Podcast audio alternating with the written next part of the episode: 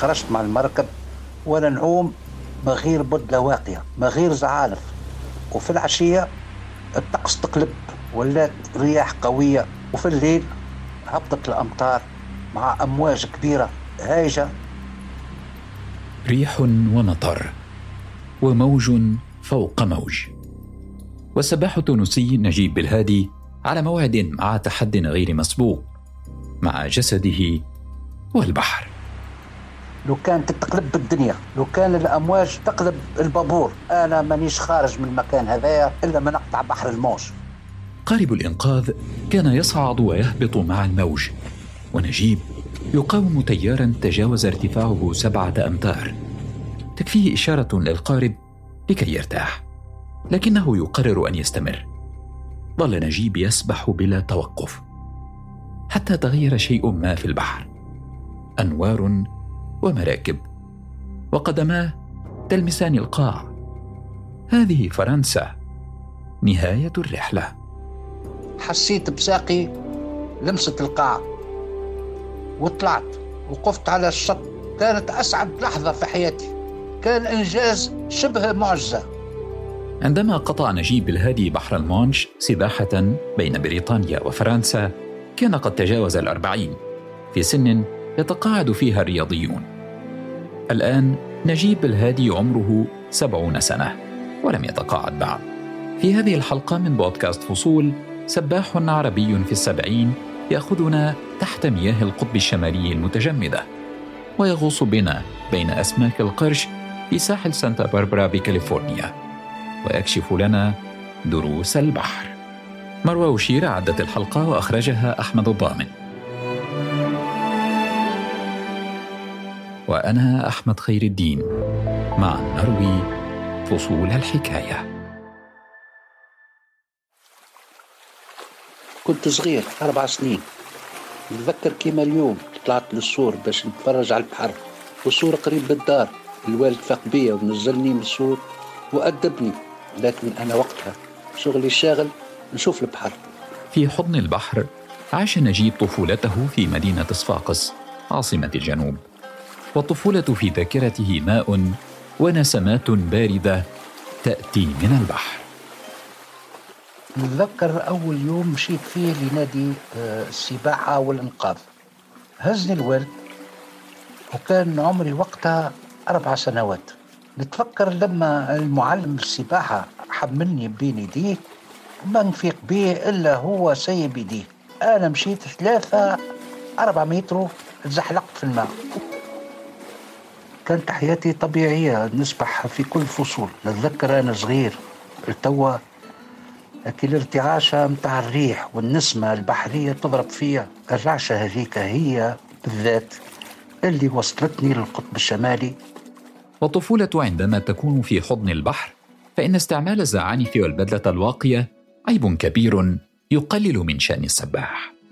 تربيتي بحرية. وعنا عيب نلبسوا البدلة الواقية ولا الزعانف. والفكرة هذه بالذات في الطفولة نلقاها في روح القانون متاع المنظمة العالمية لسباحة المياه المفتوحة. وفي الطفولة أيضا مسابقات بين الأصدقاء من فنار إلى فنار وأطول مسافة في أقصر مدة. لكن المسابقات الرسمية كان بابها مغلقا. نتفكر مرة طلعت في القطار مع المجموعة وإحنا نغني وفرحانين ماشيين نشاركوا في سباق في تونس. وإحنا صغار ليلتها ما رقدناش بالفرحة. فجأة طلع مسؤول النادي قال لي أنت إيش تعمل هنا؟ أهبط. ماكش معني بالمشي. روحت نبكي. لكن القوة وين؟ القوة كيف رجعت؟ نبكي للدار. من غدوة الصباح رجعت للميدان نتدرب وحدي. وقت جاوا المجموعة من تونس. عملنا السباق وغلبتهم. بينت اللي أنا جدير باش نكون عضو في النادي ما فقدتش الأمل. شعر نجيب الطفل بالظلم. وهو شعور تحول إلى طاقة لا تتوقف عن حصد الإنجازات في سباحة الصدر وسباحة الأربعمائة متر. السباحة كانت عشقه الأول لكن جنوحا للمخاطرة والتحدي بدأ في الظهور. أنا كنت فعلا قائد مجموعة مرة حكمت على ندادي باش يطلعوا قارب على منصة قفز. ارتفاعها 10 متر.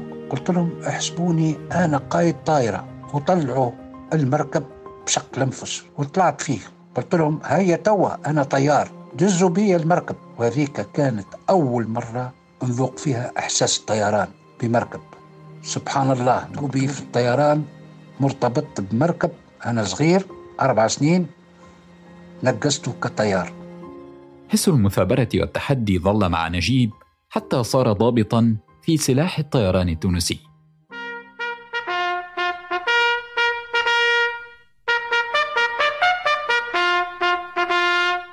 أنا ضابط سامي برتبة مقدم متقاعد من الجيش الوطني متخرج من الأكاديمية العسكرية بتونس وكملت بنجاح كل المراحل التكوينية العسكرية العليا من الأكاديمية العسكرية إلى الدروس المتقدمة بالولايات المتحدة الأمريكية وإلى المدرسة الحربية العليا. تقلت آمر قاعدة ورئيس مكتب بهيئة الأركان وتقلت بوسام العسكري.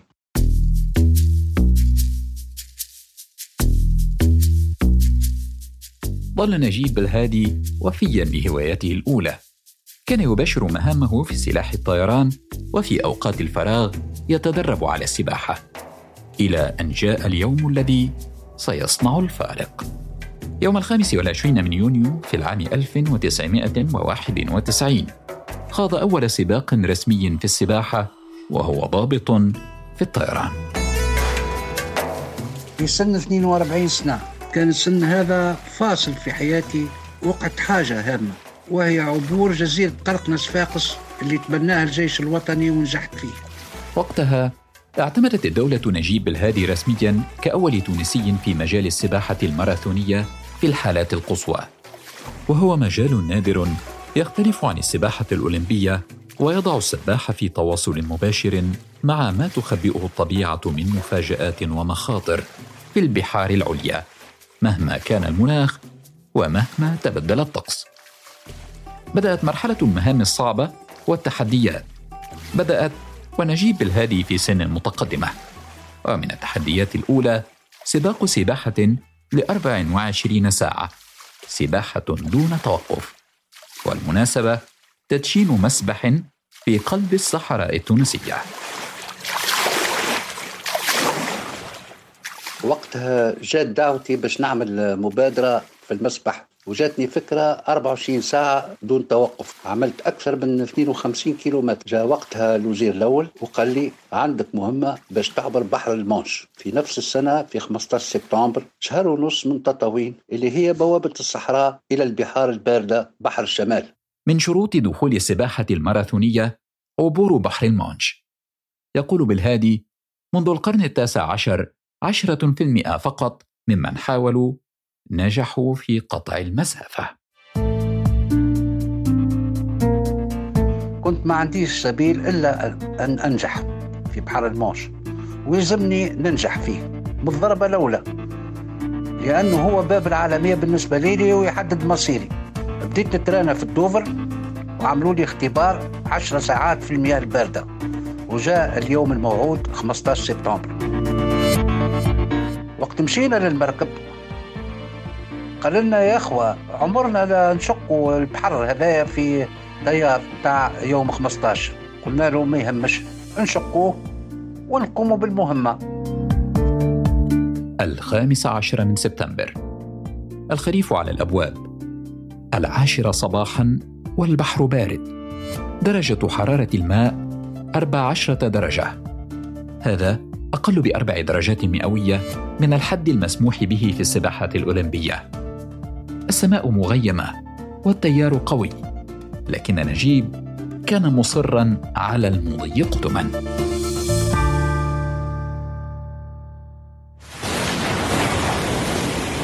خرجت مع المركب وأنا نعوم بغير بدلة واقية بغير زعالة وفي العشية الطقس تقلب. ولات رياح قوية باردة وفي الليل هبطت الأمطار. مع أمواج كبيرة هايجة برشا. حالة اسمها قوة أربعة بحر قوة أربعة. يعرفوه البحارة. ما يتعامش البحر. نشوف في المركب كيما الريشة يتهز ويتنفض. نقول اهو مرة اهو باش يتقلب. وأنا ساعات نقرب للمركب وساعات نبعد عليه برشا. عصفت الرياح وهطلت الأمطار فازداد البحر هيجانا. مركب الإنقاذ كان يهتز ويتخبط. يظهر نور خافت. يطفو ثم سرعان ما يختفي. النور كان ينبعث من شرارة ضوئية معلقة بظهر السباح التونسي. كان يصارع تيارا عنيفا بارتفاع تجاوز سبعة أمتار. لم يكن سهلا الخروج حيا من ذلك التيار. لكن بالهادي كان مصرا على إكمال السباق. كانت تقلب الدنيا لو كان الأمواج تقلب البابور أنا مانيش خارج من المكان هذايا إلا ما نقطع بحر الموج. وحسيت بروحي في فورمة كبيرة وقاومت. الوقت في وسط المعاناة هذه ما يتحسش ويجري بسرعة والمسافة تتقطع من غير ما تشعر. وبعد ساعات من الصراع بدأت تتكشف لبلهادي أضواء الشاطئ الفرنسي. تقترب تارة ثم تبتعد. نشوف فيهم يتحركوا. نشوف في فرنسا وجبالها على اليمين وبعد دقائق نلقاها على اليسار. كيفاش تتحرك؟ الحكاية كلها الطيارات عنيفة جدا وصلت 7 امتار و25 متر. وفجأة يتوقف المركب وتتعالى الأصوات المنادية باسم السباح التونسي. نسمع في تهليل وتكبير في المركب. قالوا لي راك على بعد 700 متر من الضفة الفرنسية في كالي. وإحنا ما نجموش نكملوا معاك خاطر البحر قصير. وأنت شد الصحيح راه التيار كبير. وتبعت عمود الفنار بتاع مدينة كالي وكملت طريقي. لين وصلت حسيت بساقي لمست القاع وقفت على الشط. اشتعلت الأضواء الكاشفة ووقف نجيب الهادي للحظات على شاطئ كاليه الفرنسي. لا يصدق أنه نجح في التحدي وقطع بحر المانج كانت اسعد لحظة في حياتي. كان إنجاز شبه معجزة. وصلت الثلاثة وخمسة وثلاثين دقيقة أنا فجر في كاليه. رجعنا للدوفر.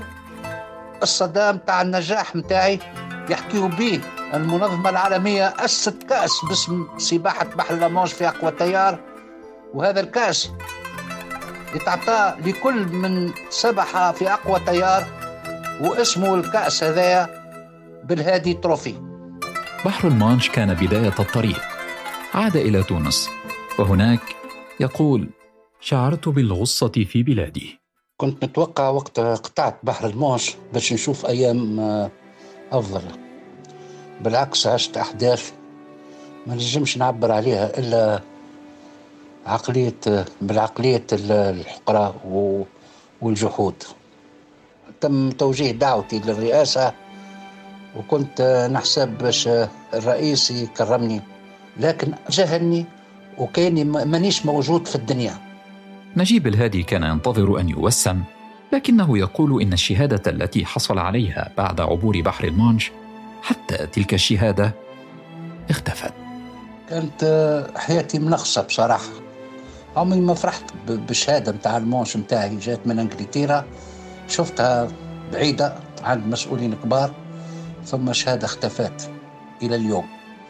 لكن الحمد لله اللي قام بالاختفاء متاعها. ما فكرش اللي أنا وقت عمت بحر المونش فما يعني تقارير ومراقب فوقي ويعني آثار ومراجع نتاع العملية نتاعي وهكا تم تعويض الشهادة. شعر بالهادي بالظلم. بعدها تعرض لجلطات قلبية كادت تودي بحياته. وعملت عملية على القلب المفتوح. كانت فترة عصيبة جدا. على عليا وعلى عائلتي. ونحس اللي كنت أنا أثناءها مهدد بالموت في كل دقيقة. خمسة شرايين مسكرين وجايع ما نجمش نتحرك. وحتى إنقاذي كان بأعجوبة وفعلا تجربة مريرة. وزاد فهمتني كنت نخمم في رياضتي اللي هي باش تنتهي. ولا ننطفي. لكن بالهادي نجح في تجاوز محنته. بعد عملية القلب المفتوح خض سباقات عديدة من بينها قطع 1400 كيلو متر على طول الساحل التونسي. كذلك جاء إلى كاليفورنيا وهناك في سانتا باربرا كان السباح التونسي في لقاء مع القروش البيضاء. أثناء السباحة متاعي في سانتا باربرا لاحظت ثم قرش أبيض لوطة تحتي مشى معايا معناها عشرين متر وخمسة وعشرين متر. ومن بعد حاد على اليمين ومن بعد رجع قرش آخر أمامي ومن بعد على آخر دقيقة حاد على المسار متاعه وتعديت لكن ما وقفتش ما عملتش أي معناها حركة معادية ما تصوروش. وقت أنت آه، تعوم ومن أنفك قرش. وخليت روحي فهمتني ولا ماسك أعصابي ونوري روحي قدام القرش اللي أنا عابر السبيل. ما عنديش أي نية الاعتداء عليه وماشي طبيعي. يقول بالهادي عند خروجي وجدت الشاطئ مكتظا وسألني أحد الصحفيين كيف نجوت من القرش؟ كانت الإجابة البحر بيت القرش وهو حر يأكل من يحب ويترك من يحب. من مغامراته أيضا السباحة في المياه المتجمدة بجانب حيتان الأوركا في القطب الشمالي.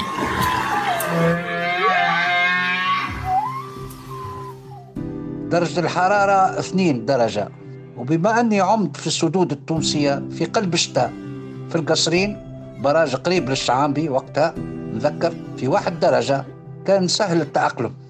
نجحت في سباحة الأربع كيلومتر اللي في الدائرة القطبية وكنت قادر نعمل أكثر. لكن شفت الإسكيمو اللي كانوا معايا فوق المركب ويحميوني وهم مسلحين وعلى أعصابهم خايفين من هجوم الأوركا. بالنسبة لهم الأربع كيلومتر اللي عملتها كأنها عام.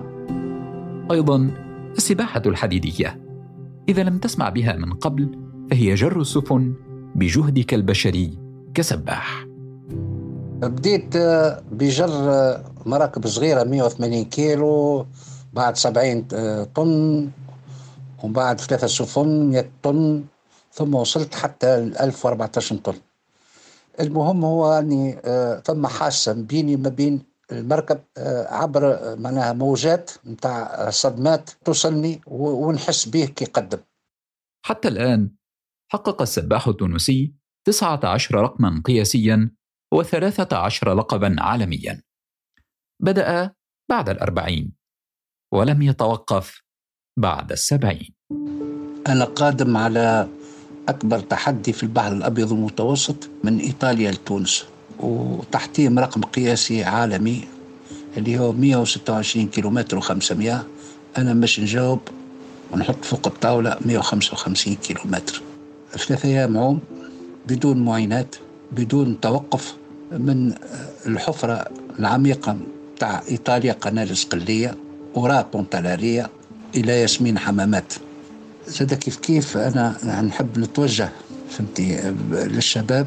لكن نقول له كلمة واحدة هو أنه الطاقة آه، تاع البشر ما عندهاش حدود واللي يظهر اللي هو مستحيل راهو مش مستحيل. العمر مجرد رقم. ونجيب الهادي يقول كل رقم يمكن تجاوزه ببعض الإرادة. حياة مديدة سعيدة نتمناها لكم.